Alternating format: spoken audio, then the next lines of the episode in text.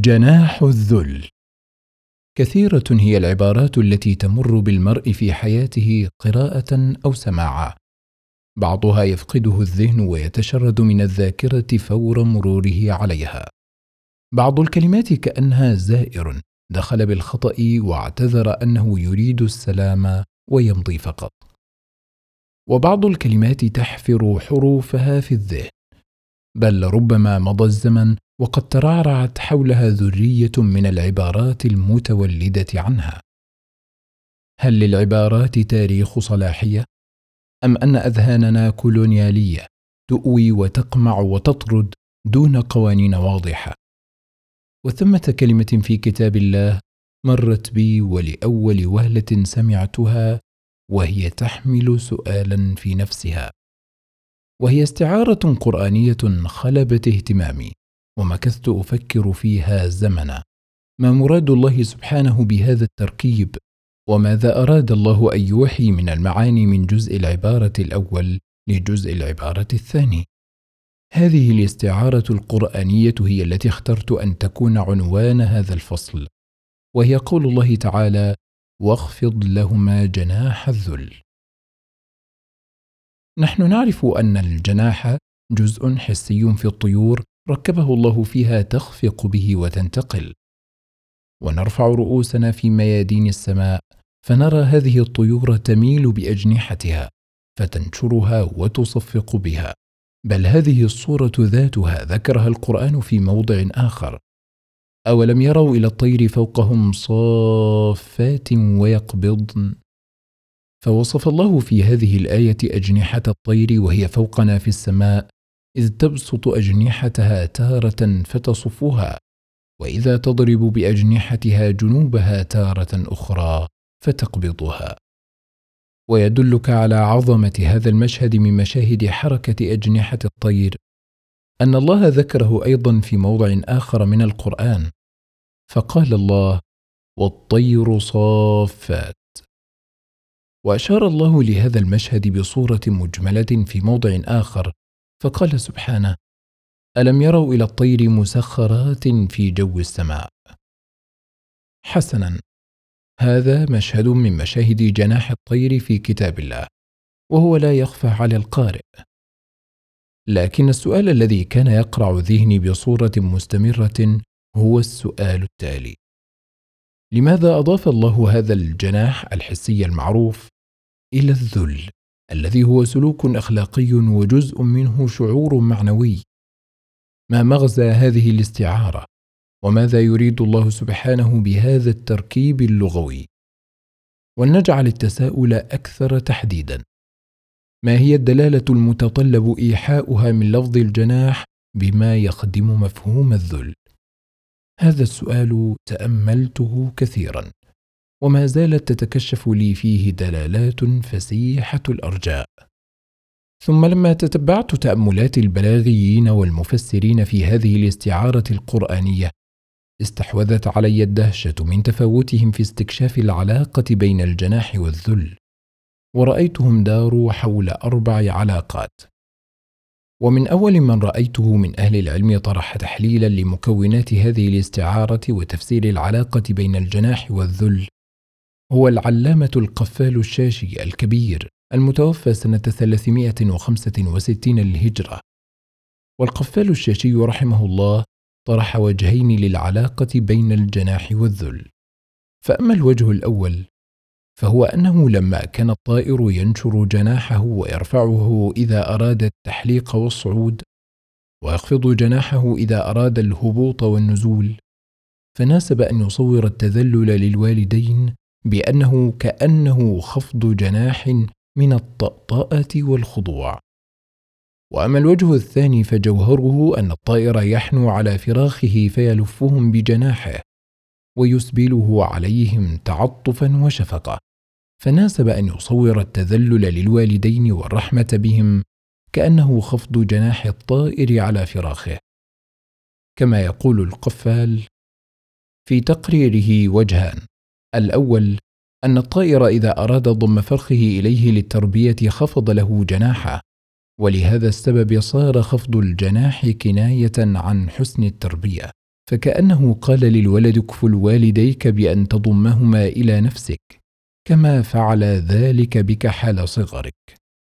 والثاني أن الطائر إذا أراد الطيران والارتفاع نشر جناحه وإذا أراد ترك الطيران وترك الارتفاع خفض جناحه. فصار خفض الجناح كناية عن فعل التواضع من هذا الوجه. انتهى قوله. هذان هما الوجهان اللذان طرحهما القفال الشاشي رحمه الله في تفسيره. إلا أن تفسيره هذا مفقود ولم يقع بأيدينا. رده الله على أمة محمد. ونحن ننقل عنه هذه المعلومة السابقة بالواسطة من خلال ما يقتبسه المفسرون عنه. وكثيرا ما يمر بالقارئ في كتب التفسير قولهم قال القفال. وهذا الذي يرد في كتب التفسير هو القفال الشاشي الكبير. وأما إذا قيل قال القفال في كتب الفقه الشافعي الوسيط كالنهاية والوسيط والمهذب ونحوها فالمقصود به القفال المروزي الصغير المتوفى سنة 417 وهو نجم الطريقة الخراسانية في الفقه الشافعي. وكلاهما شافعيان وكلاهما يكنى أبا بكر. ومن هنا ينشأ الخلط بينهما. ونبه على هذا الفرق بين القفالين أبو زكريا النووي رحمه الله. وقد رأيت أطروحات أكاديمية في جمع تفسير القفال الشاشي الكبير من خلال النقولات المتناثرة عنه في كتب التفسير. وفي القرن السابع رأيت الأديب ضياء الدين بن الأثير يطرح تحليلا ثالثا للعلاقة بين الجناح والذل. ففي كتابه المثل السائر اعتبر أن الطائر إذا أدركه الإعياء والوهن خفض جناحه فصور التذلل للوالدين بهذه الصورة. كما يقول ابن الأثير فإن الجناح للذل مناسب وذاك أن الطائر إذا وهن أو تعب بسط جناحه وخفضه وألقى نفسه على الأرض. انتهى قوله وبصراحة فإن هذا الكتاب لابن الأثير ثري بتحليلات تطبيقية بلغة في غاية العذوبة لكيفية صناعة الجمال البياني. وأما العالم المتفنن الشهاب الخفاجي فقد أشار إلى وجه رابع، وهو أنه لما كان الطائر يحلق ويطير شامخا، فإذا فاجأه الجارح والبازي شله الذعر وأعياه الطيران، ولصق بالأرض وخفض جناحيه كالمطرق الذليل فناسب أن يصور التذلل للوالدين كأنه خفض جناح الطائر المستسلم المطرق. كما يقول الشهاب وأيضا وإذا رأى جارحا يخافه لصق بالأرض وألصق جناحيه وهي غاية خوفه وتذلله. انتهى قوله هذه أربع استكشافات لمغزى الاستعارة القرآنية جناح الذل. ذكر اثنتين منها القفال الشاشي، وذكر الآخرين الضياء بن الأثير والشهاب الخفاجي. وثلاثتهم في علوم العربية بمنزلة الغرر والحجول. وحينما اطلعت أول مرة على هذه التحليلات الأربعة لوجه الصلة بين الجناح والذل في هذه الاستعارة القرآنية. مكثت زمنا تداهمني المقارنة بينها كلما ارتطمت بموقف تسح فيه الكحولة عبراتها على موقف عقوق. حينما أرى شابا عليه سيماء الاستقامة لكنه يجادل والده بمنطق الند ويستظهر عليه الحجة. تحاصرني مجددا هذه الوجوه الأربعة في هذه الاستعارة القرآنية حتى ربما خرجت من عالم الموقف المحيط بي وسرحت في عالم التأملات وأبقى أردد في ذهني. هل هذا خفض جناح الذل كما يخفض الطير جناحه للهبوط؟ هل هذا خفض جناح الذل كما يسبل الطير جناحه لفراخه حنوا عليهم؟ أهذا خفض الجناح كما يخفض الطير جناحه من الوهن؟ هل هذا الإطراق الذي يريده الله أمام الوالدين كما يطرق الطير استسلاما أمام البازي؟ وهكذا أعيد قراءة المشهد على ضوء كل التحليلات البلاغية التي طالعتها لآية واخفض لهما جناح الذل. هل كنت أتفطر من الفارق بين البر الشاهق في الآية وبين منحدرات العقوق في حياتنا الاجتماعية؟ أم تراني كنت أقارن بين هذه التحليلات أبحث عن الراجح منها على ضوء الواقع؟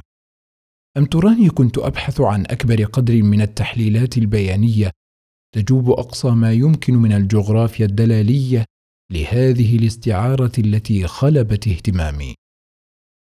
لم يقف إبهار هذه الآية لي عند هذا الأفق بل تكشفت لي فيها أفلاك معنوية جديدة أيضا.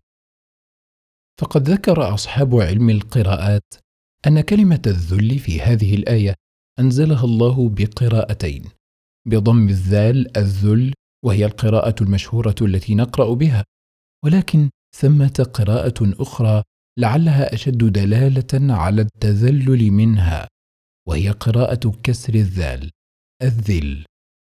وما الفرق بينهما؟ يقول أبو الفتح بن جني أثناء توجيهه القراءتين ومن ذلك قراءة ابن عباس وعروة بن الزبير في جماعة غيرهما.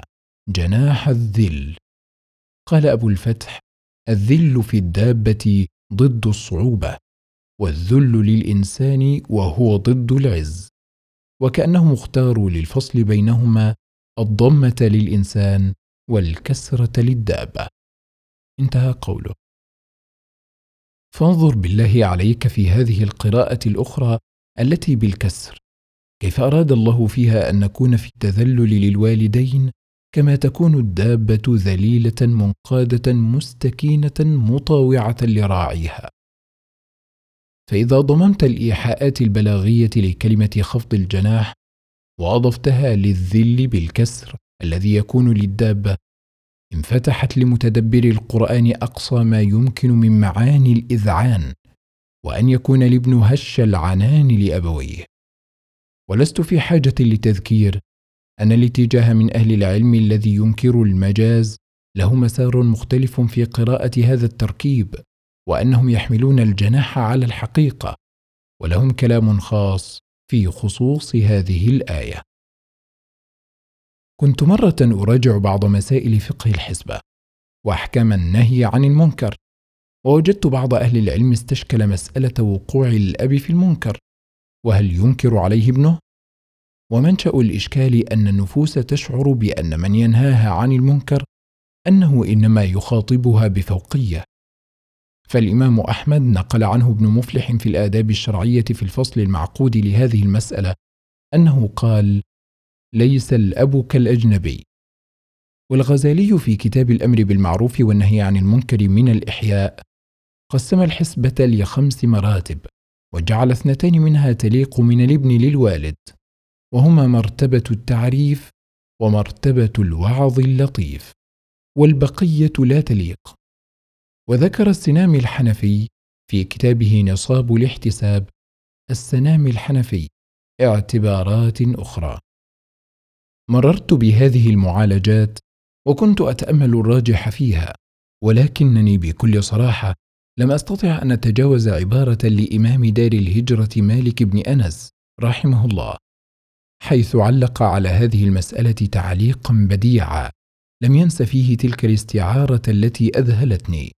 يقول القرافي المسألة الأولى أن الوالدين يؤمران بالمعروف وينهيان عن المنكر.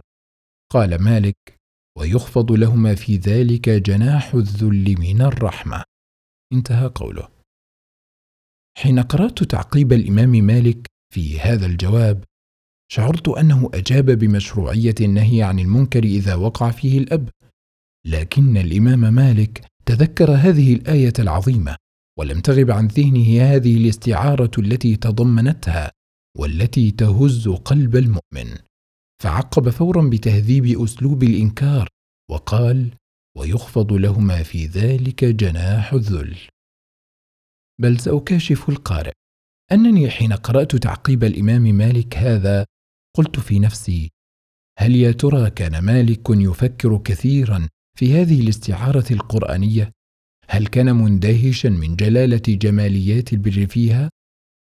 بل إنني كنت أقنع نفسي وأقول مؤكد أن الإمام مالك ما استحضر هذه الاستعارة البلاغية القرآنية في ثنايا نقاش فقهي دقيق إلا أنه كان مبهورا بايحاءاتها الدلاليه لابد أن مالك كان يتساءل عن مغزى العلاقة بين خفض الجناح والذل. وهكذا لعلي كنت أبحث عن شرعية تفكير. ولا يقتصر استحضار السلف لنصوص التذلل للأبوين في ثنايا الفتاوى الفقهية بل إن أئمة السلف كانوا يدققون في سلوكيات البر بسمو استثنائي. في واحدة من أعجب القصص التي مرت بي أن التابعي الجليل ميمون بن مهران الذي روى عن أبي هريرة وعائشة وغيرهم رزقه الله بابن عالم وهو الحافظ عمرو بن ميمون بن مهران وهو من رجال الصحيح وكان هذا الابن بارا بأبيه وقد جاء في ترجمته. قال الحلبي حدثني عمرو بن ميمون بن مهران. قال خرجت بأبي أقوده في بعض سكك البصرة فمررت بجدول فلم يستطع الشيخ أن يتخطاه فاضطجعت له فمر على ظهري. انتهى قوله. فانظر إلى هذه الصورة الرفيعة من خفض جناح الذل. فحين جاء الأب الذي أرعدت السنون مشيته فما عاد يقوى أن يعبر جدول ماء. تحول الابن إلى جسر يغمر نفسه في الطمي كي يخطو والده فوقه بقدميه. يا الله عليك رحمة ربي يا عمرو بن ميمون. أكنت محظوظا أن لم تر شابا يستكثر أن يدفع عربة والده المقعد تحت سياط الظهيرة أمام مبنى الجوازات. يا شيخنا عمرو بن ميمون أكانت فطرتك نديه فلم يعكرها خبر شاب يستثقل مرافقة والده في المستشفى. ينظر لوالده المغطى نصفه والمكشوف نصفه الأعلى لأنابيب الحياة. ويسارق النظر لرسائل أصحابه في الجوال تستحثه للنزهة وتراوده بصور ربيعية. فيتكلف الأعذار ليركب الريح مع أصحابه في مسامرات الضياع. إيه يا عمرو بن ميمون اضطجعت في جدول الماء فوق الطين ووالدك يدوسك بقدميه ليعبر الجدول. أكنت يا عمرو بن ميمون أحد أنواع البلاغة البشرية التي يتحدث عنها قول الله واخفض لهما جناح الذل. ومن أغبى الأوهام المنتشرة اليوم توهم أن بر الوالدين مربوط بكمية الخدمات الحسية المادية وحرقتاه من هذا الوهم. يبدو أن عصر الماديات في أحسن أحواله لا ينتج إلا تدينا ماديا أيضا. بر الوالدين ليس مقصورا على الخدمات المادية. بر الوالدين هو خفض جناح الذل لهما قبل كل شيء. البر المعنوي يفوق قيمة البر المادي بقدر ما تفوق الوجاهة قيمة الخبزة. ألا ترى الرجل الحر يتضور جوعا وينشل لسانه قبل أن يكتب معروض استجداء؟ ألا ترى الحره تجوع ولا تأكل بثدييها؟ إنها القيمة المعنوية التي قال عنها دنقل يوما هي أشياء لا تشترى. هذه النفحات المعنوية ليست إلا بعض أنفاس بيانية من دلالات واخفض لهما جناح الذل. الإمام الحافظ عبد الله بن عون من كبار أتباع التابعين. فقد أدرك طبقة من تأخرت وفاتهم من الصحابة لكن لم يسمع منهم. وهو إمام أهل البصرة في زمانه وشيخ الأئمة المشاهير الكبار كشعبة بن الحجاج وعبد الله بن المبارك. وبالنسبة لي فمن أكثر المواضع التي كانت تبهرني في منزلة ابن عون أن الإمام مسلم في مقدمته الشهيرة لصحيحه لما ذكر أئمة السلف ممن يستعمل الأخبار ويتفقد صحة الأسانيد وسقمها ثم أراد التمثيل لذلك ذكر ستة نماذج من أئمة الحديث. كان أحدهم ابن عون ومن له صلة بعلوم السنة يدرك دلالات هذا التمثيل. والمراد أن الحافظ عبد الله بن عون هذا ممن امتزج بروحه دلالات قول الله واخفض لهما جناح الذل ووقف على دقائق تجليات هذه الآية بحساسية شريفة حيث لاحظ رحمه الله أن مما يدخل في خفض جناح الذل للوالدين مراعاة مستوى الصوت.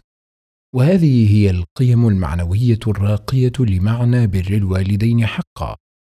فقد جاء في ترجمته رحمه الله عن عبد الله بن عون أنه نادته أمه فأجابها فعلى صوته صوتها فأعتق رقبتين.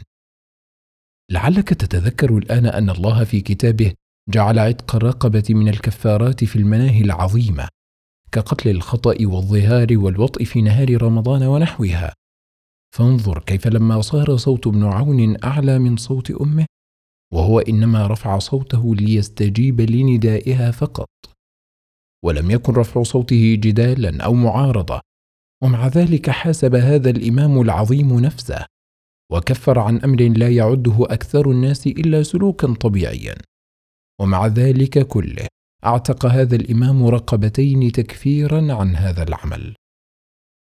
وغوثاه من شاب يصرخ من غرفته في الدور الثاني على والدته مستبطئا غداءة ويتذرع بأنه مرهق ومتعب وما هو مروق وكيف لا تتفطر الأكباد؟ من شاب يتفنن في قرع أبواق سيارته يستعجل والدته الخروج من المنزل ليذهب بها لمشوار التمسته منه. وترى الوالدة المسكينة تتقافز تجمع أغراضها مشوشة الذهن تحت ضغط منبهات سيارته. وابن عون يعتق رقبتين لأن صوته أرفع من صوتها وهو يستجيب لندائها. أي فارق فلكي بيننا وبين القوم؟ وجاء هذا المعنى أيضا عن التابعي الجليل محمد بن سيرين حيث كان يطبق مفهوم خفض جناح الذل في مخاطبة والدته. فكان إذا كلم أمه كلمها كالمصغي إليها بالشيء. وإذا كان عند أمه ورآه رجل لا يعرفه ظن أن به مرضا من خفضه كلامه عندها. ومن تجليات خفض جناح الذل.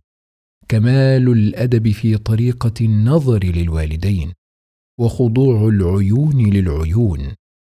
وهذا من عيون تفسيرات السلف لهذه الاستعارة القرآنية. فقد روي عن عطاء وعروة من ضمن تفسيرهم لهذه الآية أنهما قالا ولا تحد بصرك إليهما اجلالا وتعظيما. خرجه ابن أبي حاتم وغيره عنهما. وجاء هذا المعنى عن عائشة مرفوعا ما بر أباه من حد إليه الطرف لكنه معلول بصالح بن موسى. وقد أشار المناوي إشارة بديعة لهذا المستوى من بر الوالدين بنمط نظر العيون للعيون. إذ يقول المناوي في فيض القدير العقوق كما يكون بالقول والفعل يكون بمجرد اللحظ المشعر بالغضب. انتهى قوله. وهو داخل في عموم آية خفض جناح الذل.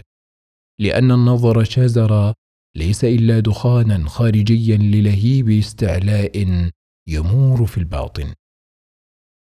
أي مسافة تربطنا بقوم يدققون في مجرد الخشونة البصرية للوالدين؟ وفينا من يتفنن في مقطوعات التذمر لوالدته لأنه فتح دولابه ولم يجد ملابسه قد غسلت وكويت في التوقيت المطلوب. وهذه المشاهد المبهرة لأئمة السلف في فهم دقائق الآفاق الدلالية لخفض جناح الذل مرتبطة ارتباطا مباشرا بعمق علم السلف بمنازل العبادات التي يحبها الله. وقد كان للإمام التابعي الجليل محمد بن المنكدر شقيق اسمه عمر بن المنكدر. ومحمد اشتهر بالعلم والرواية فقد روى عن أبي هريرة وعائشة وابن عباس وغيرهم. بينما اشتهر عمر بالعبادة والتنسك وغلبت عليه. وروى الإمام ابن سعد في طبقاته بإسناده قال قال محمد بن المنكدر بات عمر يصلي وبت أغمز رجلي أمي وما أحب أن ليلتي بليلته انتهى قوله. هذا هو الفقه الدقيق في مراتب الأعمال. فقد بقي الإمام ابن المنكدر عامة ليله يدلك رجلي أمه ويخفف أعياءها ويطيب خاطرها ويؤانس وحدتها ويتقرب إلى الله بذلك. وأخوه عمر صاف قدميه بين يدي الله يصلي الليل. ومع ذلك ما ترك محمد بن المنكدر رجلي أمه بل صرح أنه يعتقد أن بر الوالدين أجل في ميزان الله من التهجد. ولنكن صرحاء مع أنفسنا. ونعترف أن هذه المقارنة بين عمل محمد وعمر بني المنكدر هي مجرد مقارنة تاريخية لا صلة لنا بها. أنا أخجل أصلا من أن أطرح هذه المقارنة باعتبارها مرتبطة بواقعنا. فهؤلاء يتنافسون بين إحياء الليل في التهجد أم إحياء الليل في بر الوالدين. وكلاهما بالنسبة لنا اليوم خارج النمط المألوف في حياتنا الاجتماعية أصلا إلا من رحم الله. وتمر بالمرء قرارات كثيرة في حياته في حياته العلمية والعملية. تحديد تخصص دراسي قبول عرض وظيفي شراء مسكن أو مركب إلى آخره. وقد يكون أحد الوالدين رافضا للقرار. فيشعر الابن أن أباه أو أمه ليس لهما اطلاع كاف يخولهما فهم الأمر ورفضه. فيدير مقود شأنه باتجاه ما قرر ولا يفكر في استرضاء والديه اولا. وغالب هذه القرارات ينزع منها البركة. والعاقل الحصيف هو الذي يسترضي والديه قبل أن يقدم. فإن لم يرضيا فمن يتق الله يجعل له مخرجا. ولا أقبح من الاستخفاف باسترضاء الوالدين والشعور أنهما لا يدركان ما يدرك الابن. وإذا تداول الناس مسألة أثر التقوى على العلم فإنهم يذكرون عبارة الإمام أحمد الشهيرة التي رواها المروذي أن أحمد قال عبد الوهاب الوراق رجل صالح. مثله يوفق لإصابة الحق. وعبد الوهاب هذا له ابن اسمه الحسن وهو أحد المقرئين من تلاميذ الدوري وكان ابنا بارا وحدث له مع أبيه قصة يحدث الحسن عن نفسه قائلا كنت قد اعتزمت إلى الخروج إلى سر من رأى في أيام المتوكل فبلغه أي أباه ذلك فقال لي يا حسن ما هذا الذي بلغني عنك؟ فقلت يا ابت ما أريد بذلك إلا التجارة. فقال لي إنك إن خرجت لم أكلمك أبدا. قال فلم أخرج وأطعته فجلست. فرزقني الله بعد ذلك فأكثر وله الحمد. انتهى قوله. فانظر كيف أثمر خفض جناح الذل للوالدين في قرار تجاري البركة في الرزق. فوجد في طاعة والده بركة في ماله كان سيفقدها لو صعر خده وشمخ برأيه الشخصي. إظهار الاحترام لرأي الأبوين وإجلالهما وإظهار الاستفادة من خبرتهما والصدور عن توجيههما هي جنة البر التي من لم يدخلها لن يعرف ماذا تعني هذه الاستعارة القرآنية واخفض لهما جناح الذل. وكم ترى في الشبان من يسعى لإظهار جهل والديه وأنهما لا يفهمان الجيل الجديد؟ بل ربما رأيت الشاب يستعرض بمصطلحات شبابية كالمستعلي على والده أنه لا يفهمها. وكم ترى في الفتيات من إذا دخلت المرحلة الثانوية والجامعية صارت تلمز ذوق والدتها وتظهر لها أن فلانة من قريباتها أحسن ذوقا منها. تظن أن هذه مجرد تقييمات عابرة. ولا تعرف جرح الكبرياء الذي تغريزه في خاصرة والدتها بلا مبالاة. أبعد كل هذه السنوات التي طافت بها والدتك الأسواق لتجعلك شامة في عيون قريناتك. تاتين اليوم وترمين العبارات اللاذعة عن ذوق والدتك. وبرغم كل هذه الصور البائسة اليوم في عدم التفطن لدقائق قول الله واخفض لهما جناح الذل فما زال في الأمة خير ولله الحمد. وما زالت صور من البر يتناقلها الناس اليوم سروجا يستضاء بها في سماء المادية الكالحة في هذا العصر.